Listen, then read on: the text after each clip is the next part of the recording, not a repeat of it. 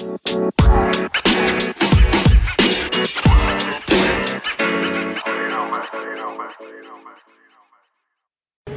selamat datang di DGCA. Kembali lagi bareng di sini cuman ada yang pernah kalian dengar ini cuman ada Yani, tapi nggak sendiri, ada samping saya. Nggak kayak kaku banget ya. eh, jadi kayak gue bareng Mas Sidu. Mas Sidu ini apa ya Mas? Mas Sidu apa Mas? jadi dia itu eh, bingung ngejelasinnya dia eh, dulunya Mas itu pernah kuliah di jurusan tradisi lisan. Nah, mungkin eh, mungkin nanti Mas Dido yang ngejelasin jurusan yang aneh itu ada ya jurusan tradisi lisan. Jadi eh, tapi kalian masih benar ada di, di Journal of Criminology Indonesia. Kita akan mas masih bahas tentang kejahatan kali ini. Kenapa ada Mas Dido? Karena kita mau bahas tentang mitos. Gimana sih kayak em, mitos ternyata dalam kejahatan itu juga eh, dia punya fungsi yang bisa di eh, punya sesuatu eh, menjadi alat untuk eh, pengendalian kejahatan. Jadi kayak mungkin nanti eh, kita akan ngobrol-ngobrol Mas Ibu kali ini mungkin tentang bagaimana sih eh, mitos itu punya fungsi dalam eh, mencegah kejahatan terutama kejahatan-kejahatan lingkungan. Mungkin ada kejahatan-kejahatan lain cuman yang mungkin mungkin masih hidup punya cerita yang lain cuman yang mungkin kita awali dulu dari kejahatan lingkungan kali ya jadi Oke. sebelumnya kenapa akhirnya tiba-tiba nih kayak gue kepikiran keinget kalau misalnya Mas Dido pernah cerita kalau dia pernah punya proyek bareng Kementerian Kelautan bener nggak Mas? Ya. Kementerian Kelautan dia lagi eh, ngebuat penelitian gimana sih eh, tentang mitos-mitos yang ada di daerah Sulawesi ya, ya. Sulawesi eh, di sana di eh, riset itu eh, mitos itu berguna untuk menjaga laut kayak gitu. Jadi boleh diceritain lebih lanjut nggak mas? Mungkin dari penelitiannya dulu atau mungkin Atau dari tesisku aja dari yang tesis paling boleh. Oh tesis juga. itu tesisku tesis juga ya? pesisir. Tesis ya. Boleh dari mana aja mas? Terserah mas gitu. Oke. Ya, eh, gini. Tradisi lisan dulu kali ya kita ngomongin tradisi lisan tuh aneh. Itu itu jurusan yang ya tidak banyak kampus yang punya jurusan itu. Salah satunya UI. Nah, kebetulan aku kuliah di UI ngambil jurusan itu teman-temanku nggak banyak kami kuliah cuma berlima gitu Berapa? berlima Oh berlima. Jadi angkatanku lebih banyak ya waktu itu. Ah. di bawahku malah cuma berdua Oh, dua. jadi tingkatku cuma berdua Jadi kalau kalian yang baru dengar kriminologi aneh, ternyata ini ada lagi jurusan yang lebih aneh. lebih aneh. Mahasiswanya sedikit. Nah, itu eh, kalau yang kami lakukan di di FIB di UI itu karena kajian tradisi lisan. Jadi dia tidak hanya berbicara mengenai mitos atau sastra lisan atau dongeng-dongeng gitulah.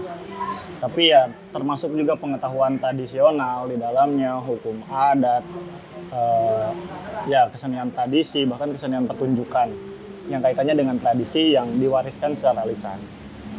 Nah, cuma kemudian aku lebih fokus kepada ritus ritus-ritus. Nah, tesisku eh, itu pada saat itu aku kepikiran tentang pesisir karena belakangan pemerintahan kita punya perhatian ke persoalan maritim. Ya waktu menterinya Bu Susi ya. Menterinya Bu Susi. Jadi belum ganti sama yang sekarang belum, ya. belum.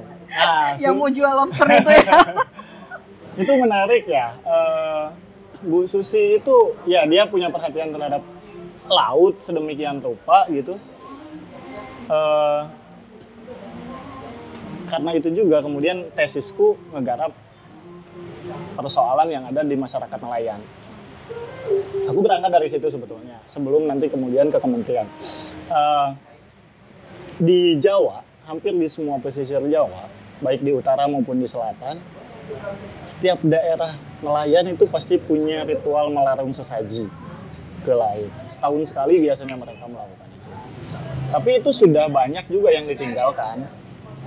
Artinya tidak semua desa nelayan itu sekarang ini punya ritual yang sama.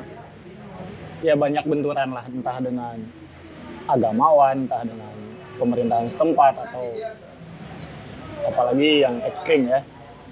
yang menganggap Ini biasanya agama ya. agama agama banyak sekali yang menentang hal-hal semacam itu karena dianggap menyekutukan Tuhan atau apa segala macam tapi agama ketika membenturkan hal itu agama tidak berhasil juga menyelamatkan laut gitu. Nah menurut bagiku ah ini ini sesuatu yang menarik karena di samping beberapa masyarakat masih tetap mau mempertahankan itu di sisi lain benturan itu tetap ada dinamikanya ada dan bagaimana masyarakat menyesuaikan ritual mereka sedemikian rupa yang sampai hari ini bertahan. Itu penyesuaian penyesuaian tetap dilakukan nah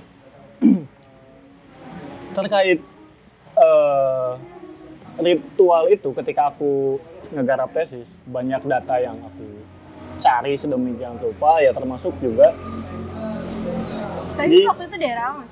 kalau tesis sih di Tangerang Oh tesisku yang tadi yang di daerah Cengkareng itu ya di belakang bandara itu tepatnya di Cituis itu masih dua jam eh, dua jam dari bandara lah kalau naik motor. Nah semasa aku mengerjakan tesis itu aku mendapatkan data sedemikian demikian banyak. Akhirnya tidak hanya Jawa gitu tapi juga pulau-pulau lain daerah-daerah lain pesisir-pesisir lain yang agak beda. Dalam artian gini kalau di Pulau Jawa mungkin itu jadi ritual ritus saja ritual saja dan tidak menjadi hukum adat bagi eh, komunitas masyarakat nelayan. Nah sementara di Sulawesi gitu itu memang dihidupi oleh komunitas adat yang kemudian itu menjadi hukum adat. Awig-awig misalnya sasi, mapan desasi kayak gitu-gitu. Eh, Awik, Sasi itu apa ya itu nama-nama Nama saja ritual. nama ritual Jadi ada ritual Awik, ada ritual Sasi. sasi Itu Nah, tadi di Sulawesi. Sulawesi di sana itu ya mereka ada fase tertentu sekian bulan eh, untuk tidak boleh melarang masyarakat nelayannya mengambil ikan di sebuah wilayah tertentu.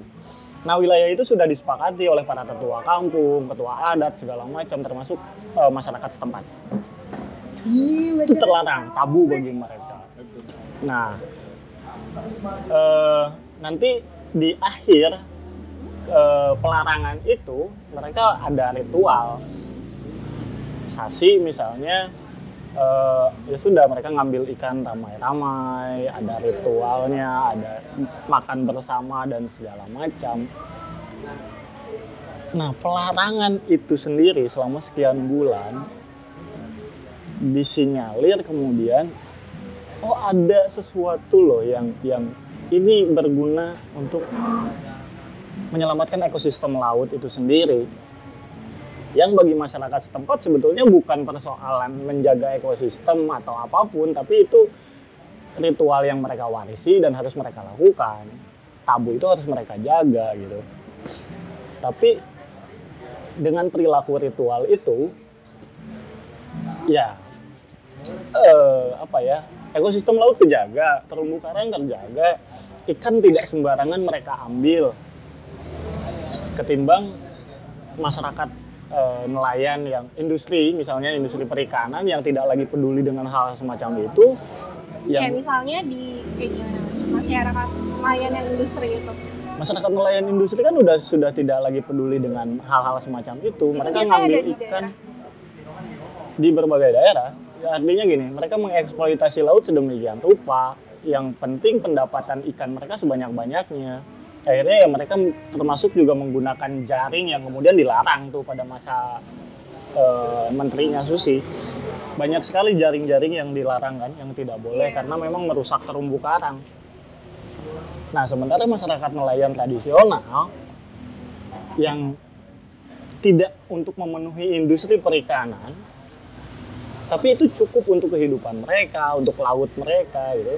Jadi kayak yang biasanya menjaga ini ma- masyarakat-masyarakat yang Nelayan tradisional. tradisional yang untuk kehidupan ya udah kehidupan mereka aja bukan untuk keperluan industri. Ya, ya. Kalaupun untuk kebutuhan ikan ya ikan kebutuhan ikan di lokal saja gitu. Artinya tidak untuk industri besar. karena kapal-kapal mereka toh juga bukan kapal-kapal besar.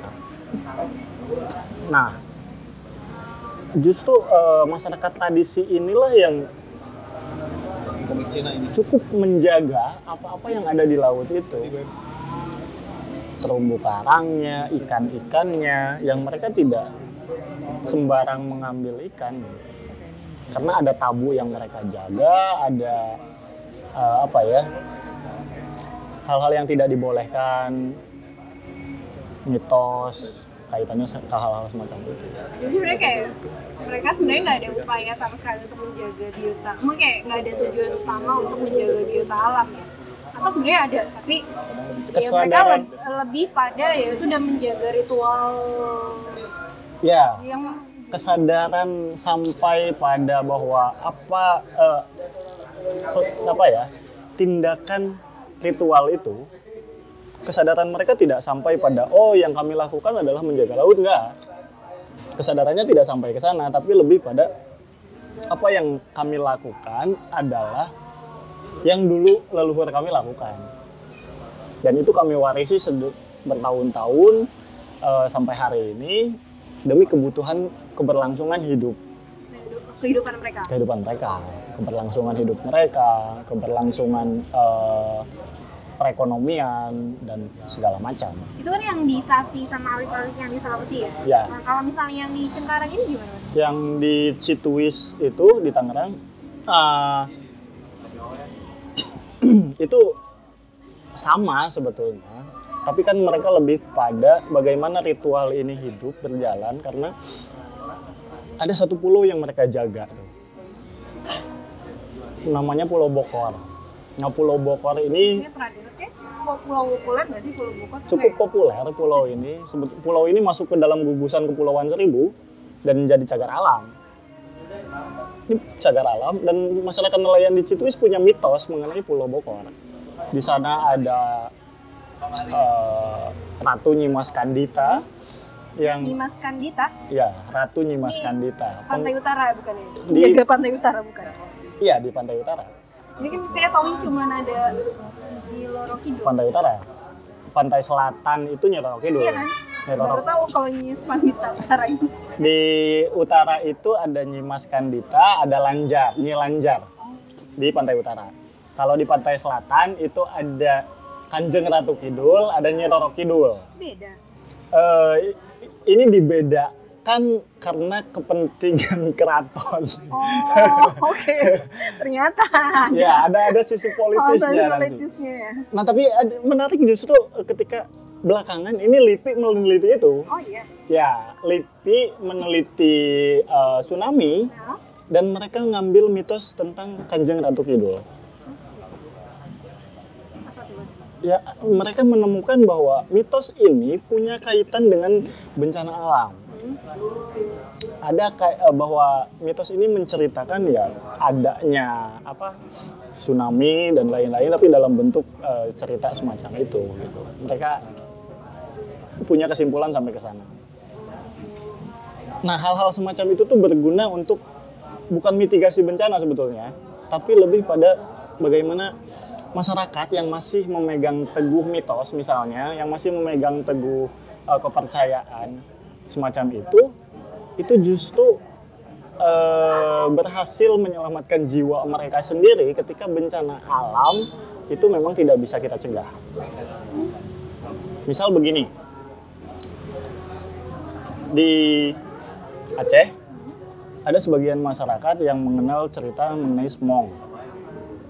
Nah, di daerah tersebut konon ketika tsunami Aceh terjadi itu hanya sedikit masyarakatnya yang meninggal. Karena mereka mengenal cerita tersebut, mereka berhasil menyelamatkan dirinya. Karena mereka tahu gejala alam, perilaku binatang, yang kemudian mereka ikuti, nah, itu mereka eh, berhasil menyelamatkan nyawa mereka dari sekian ratus penduduk se- pada di Yang daerah itu. kayak binatang ini nggak bermigrasi ke daerah yang lebih tinggi itu ya? Oh Betul. iya, iya, pernah dengar itu. Nah mereka pengetahuan itu mereka dapatkan dari cerita gitu. dari lagu, dari hal-hal semacam itu. Itu termasuk di eh, eh, Mentawai. Di Mentawai ada lagu yang sekarang lebih banyak dinyanyikan oleh anak-anak gitu. Lagunya mengenai perilaku hewan, bagaimana hewan itu eh, tupai kah atau apakah yang turun dari gunung atau dari dari pesisir mereka bepergian ke posisi yang lebih tinggi. Nah, ketika ada gejala alam semacam itu, maka diingatkan manusia eh, penduduknya harus siap-siap ini akan terjadi bencana gitu. Dan di da- satu daerah yang masih mempercayai, yang masih ada lagu itu, ya mereka berhasil menyelamatkan nyawa penduduknya jauh lebih banyak. ya. Masyarakat pelakunya tuh jauh lebih banyak yang selamat ketimbang di daerah yang lagu itu sudah nggak ada di pesisir lain gitu. Artinya mereka sudah lebih kayak mengenal lagu-lagu itu udah punah eh, kayak tidak Udah. lagi aku bisa nggak dibilang punah punah ya punah, punah lagu itu punah karena masyarakatnya sudah ingin modern, sudah sekolah, sudah kuliah, lalu mereka mengabaikan ah itu sesuatu yang dianggap tidak lagi berguna gitu. Nah padahal di sisi lain, ya itu pengetahuan yang dimiliki oleh leluhur kita dulu gitu di berbagai daerah, yang ternyata ya itu berhasil menyelamatkan nyawa kita hari ini. selain itu jadi selain pesisir tadi sebenarnya ngobrol soal sih jadi kayak rekaman ini diambil saat eh, Indonesia beberapa daerah mengalami kebanjiran. Terus tadi sempat eh, jadi sekitar awal Januari lah ya sekarang tanggal berapa ya? Tanggal 9 jadi eh, Mas Izu tadi sempat cerita kalau misalnya tentang Baduy. Baduy kayak Mas Mas itu bilang kayak Baduy itu nggak mungkin ada terjadinya banjir. Karena ada pengetahuan mereka sendiri pengetahuan lokal ataupun kayak mitos-mitos lokal yang mereka miliki kan nah, mas, gimana mas? Ah ya, itu Boleh bahas lagi nggak? Oke. Kita tahu lah banjir kemarin itu kalau Jakarta udahlah itu itu agak susah di, di- itu udah udah baik itu udah udah oke itu masyarakat urban dan kita itu sejarahnya panjang sekali kebanjiran terus menerus. Tapi di daerah Lebak ini gitu, Oh, iya. kayaknya- ini rekaman diambil di daerah Lebak ya di Lebak ini banjir tuh kayaknya baru belakangan ini atau mungkin baru tahun ini terjadi aku nggak tahu deh. Apa pernah tahun sebelumnya di daerah Sajra, daerah sana juga kebanjiran dengan korban sebanyak ini gitu. Nah, eh, di daerah yang sama tidak jauh dari Sajra itu, yang juga di daerah pegunungan Gunung Halimun Salak, tepatnya di daerah pegunungan Kendeng, itu masyarakat Baduy hidup di sana. nah, masyarakat Baduy punya pengetahuan tradisional yang ada salah satunya dalam pikukuh mereka. Pikukuh itu pikukuh, pikukuh itu semacam apa ya? eh, eh, ya amanat leluhur lah. Yang misalnya menyebutkan gunung temenang dilebur, le- lebak temenang dirusak. Gunung tuh nggak boleh diratakan. Ya lebak tuh eh, apa namanya lembah gitu, ya nggak boleh dirusak. Nah pengetahuan semacam ini kan sebetulnya untuk menjaga kelestarian alam itu sendiri yang eh, salah satunya bagi kita ya ini mencegah banjir, mencegah longsor dan sebagainya. Ya mereka tidak mungkin kebanjiran. Orang Baduy toh lereng atau kemiringan tanah tidak mereka ubah sedemikian rupa. Yang air ya biar tetap saja mengalir sedemikian rupa gitu. Karena mereka tidak berusaha meratakan tanah tidak berusaha menghancurkan eh, lereng gunung gitu. Tebing-tebing. Nah pengetahuan tradisional ini yang menurutku berharga dan perlu kita gali ulang. Ketimbang oke di sisi lain kita mesti belajar mitigasi bencana. Itu penting. Tapi apa jargon mencegah lebih baik daripada mengobati itu hanya berlaku bagi dunia kesehatan gitu? Kan kayaknya enggak gitu. Sementara di sisi lain pembalakan hutan, penebangan hutan, pengalih fungsian hutan menjadi eh, hutan industri dan sebagainya, ya itu itu korporasi pejahat, ya, ya pencurian hutan, penebangan eh, hutan secara liar gitu tidak bertanggung jawab, yang yang mengorbankan masyarakat tempatan. Iya, kayak akhirnya kayak yang dari korporasi juga kayak ya itu mungkin bisa berhasil untuk ini ya mas. Kayak eh, sebagian mungkin terpengaruh. Akhirnya mereka juga jadi alat-alat skrup mungkin bahasa skrup-skrup kapitalisme yang akhirnya ikut merusak lingkungan. Hmm. ya kan? Jadi kayak Betul. eh, makanya kenapa akhirnya kesadaran untuk apa sih kayak udah eh, mungkin ritual ataupun eh, tradisi, tradisi lisan ini penting bagi eh, masyarakat masyarakat lokal kan? Untuk tidak ikut nih. Ya nggak sih mas? Kayak untuk nggak ikut eh, kebawa oleh industrialisasi kapitalisme dan lain-lain. Ya, ya. soalnya ka- nggak mungkin karena kan akhirnya di lapangan yang mengerjakan masyarakat masyarakat lokal kan? Banyak kayak gitu. Hmm, tapi ketika masyarakat lokalnya sendiri sudah tidak percaya dengan mitos, Ah. tidak percaya dengan keangkeran sebuah hutan, misalnya atau hutan larangan biasanya di sebuah masyarakat adat Iya, itu, itu suka ada ya Ada. di daerah-daerah hutan ada Mm-mm. hutan larangan gitu. yang mereka sebut angker, mereka sebut eh, ada penunggunya segala macam. Ketika mereka sudah tidak lagi percaya dengan hal semacam itu, karena mereka berpikir sudah sangat rasional, tidak peduli dengan hantu, tidak lagi peduli dengan penunggu hutan atau apa pun itu, ya udah mereka bekerja juga dengan korporasi, mereka menebangi hutan sedemikian rupa yang yang mengakibatkan bencana bagi komunitasnya sendiri gitu. Nah, di sisi lain, aku pikir kesadaran ini tuh penting bagi kita. Kenapa? Misalnya gini, karena kita kadang tidak menghargai pengetahuan tradisional. Kita cenderung eh, apa ya?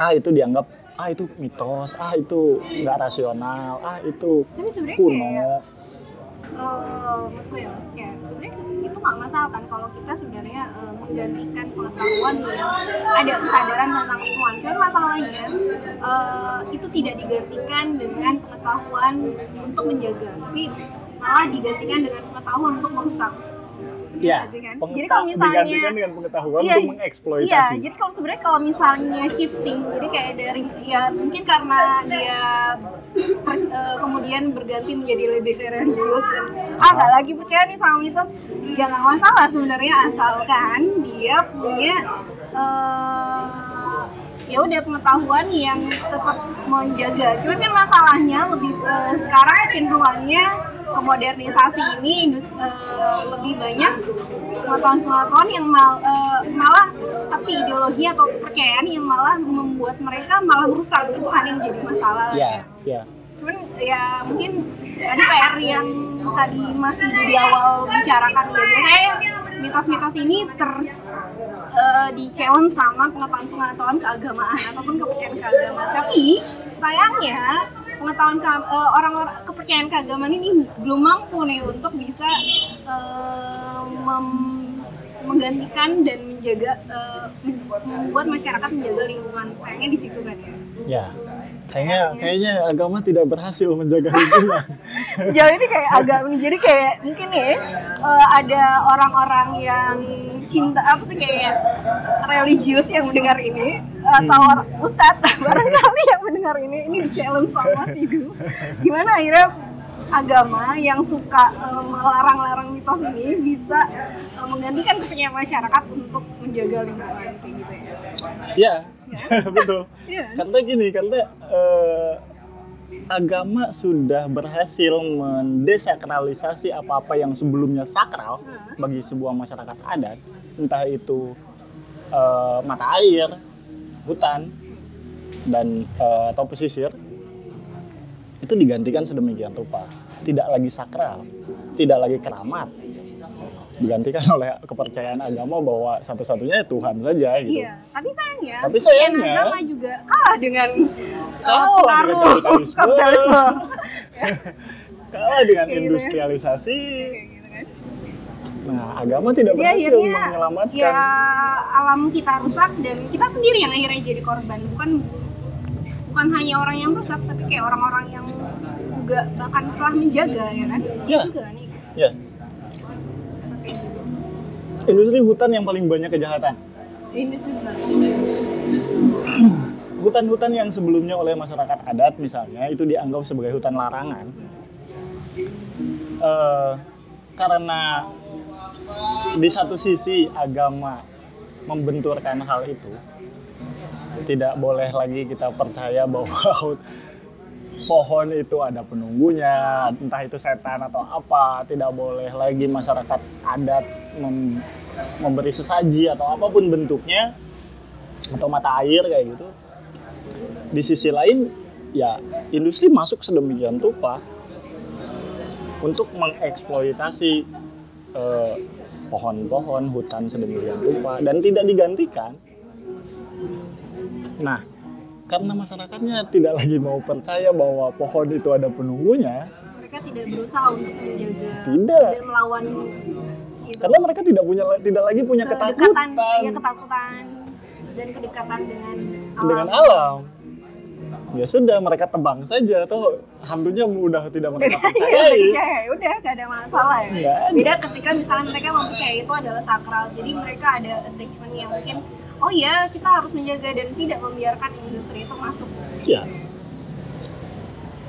Jadi eh, dan penjahat semua. penjahat Ya, semua. jadi ya gitulah pokoknya. Nah gitu kayak nah dapat kan kenapa akhirnya eh, kita ngobrol bareng Mas Nido nih bahwa sebenarnya kayak kriminologi ini dalam upaya pencegahan kejahatan juga banyak cara yang bisa dilakukan salah satunya melalui masyarakat eh, mengembang eh, apa sih kayak yaitu eh, melestarikan tradisi lisan ataupun eh, hal-hal yang sebenarnya pengetahuan tradisional Hmm. gitu. Tapi sebenarnya mas eh, ini sendiri nggak? Jadi dulu tuh pernah baca mas kayak ada novel. Mhm. eh eh eh nggak usah deh. Nanti panjang banget. Lain kali aja deh. Tentang mitos juga. Tapi ada temuan-temuan jahatan juga ya jadi eh, ya inilah salah satu cara untuk eh, pencegahan kejahatan dan kejahatan tuh bukan cuma pencopetan bukan cuma pembunuhan tapi eh, kerusakan bencana alam itu bisa jadi juga kejahatan. Karena kan apalagi eh, ini sudah lebih banyak bencana alam di Indonesia itu terjadi karena olah manusia juga kan. Kayak Iya, mereka yang merekayasa alam sehingga tiba- eh, kita mendapatkan bencana. Nah, bencana ini kan memberikan kerugian.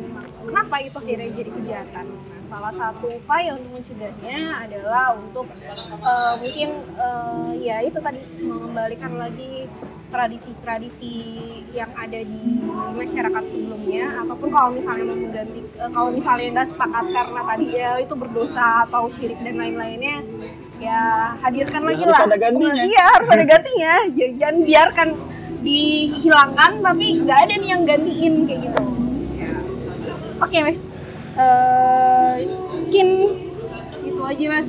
Dan mas Tidu mungkin ada pesan terakhir? Pesan terakhir. Gini tambahanku mungkin gini. Kita tuh eh, hidup dengan alam masyarakat bagaimana kita belajar dari masyarakat adat masyarakat setempat yang masih menjaga kepercayaan mereka itu justru kita mesti belajar pada mereka. Artinya kita mesti jauh lebih eh, apa ya merendahkan diri di hadapan mereka, kita mau belajar kepada mereka, kita mau menggali pengetahuan mereka dari mereka sedemikian rupa, bukan melulu kita yang merasa sok lebih pintar yang mengajari mereka untuk mengubah hidup mereka itu. Yang termasuk mengubah hutan mereka, mengubah lingkungan mereka sedemikian rupa, entah karena alasan kemiskinan atau apa pun, tanpa menggantikan pengetahuan tradisional mereka. Yang pada akhirnya karena kita merasa jauh lebih pintar dari mereka, kita tidak lagi mau belajar dari apa-apa yang mereka miliki. Ketika masyarakat itu berubah, ya sudah hilang pengetahuan tradisional kita juga hilang, pengetahuan kita menjaga lingkungan juga tidak ada lagi. Nah sementara sampai hari ini kita belum punya pengetahuan untuk menggantikan pencegahan itu yang disadari dari dalam jiwa. jiwa kita sendiri. Yang kita pelajari hari ini mitigasi bencana misalnya ya itu hanya untuk aku pikir itu hanya berlaku untuk bencana alam yang memang tidak bisa dicegah. Tsunami gunung meletus gitu gempa bumi semacamnya. Tapi kalau kerusak bencananya gara-gara kerusakan alam yang bisa kita cegah sebetulnya apa pun caranya. Termasuk termasuk dengan mempercayai hal-hal yang gaib itu. Ya bagiku itu Ya. penting. Ya begitulah. Mas Idu tadi kalau misalnya nggak percaya ya ditantang juga untuk memberikan pengetahuan lain untuk menjaga alam kita bersama. Ya yang Ya. lebih efektif. Yang lebih efektif. Oke mungkin itu dulu eh, dari saya kali ini edisi menjaga lingkungan kira-kira eh, menjaga bumi menjaga manusia dan kayak gitu. Eh, jangan lupa eh, jangan lupa komen-komen eh boleh komen-komen di apa ya di sosmed kita. Ada apa aja ya? gue lupa udah lama nih. Oke, ada eh, lupa lupa banget. Ada Instagram sama ada Twitter Eh, terus akunnya tuh nggak salah the, the underscore GCI T H E underscore J C I ya itu ya ampun lupa banget karena udah lama rekam. Eh, oke beneran diakhiri dari gue Yani dan Mas Idu. Eh, makasih Mas Idu. Oke makasih ya. Ya bye bye bye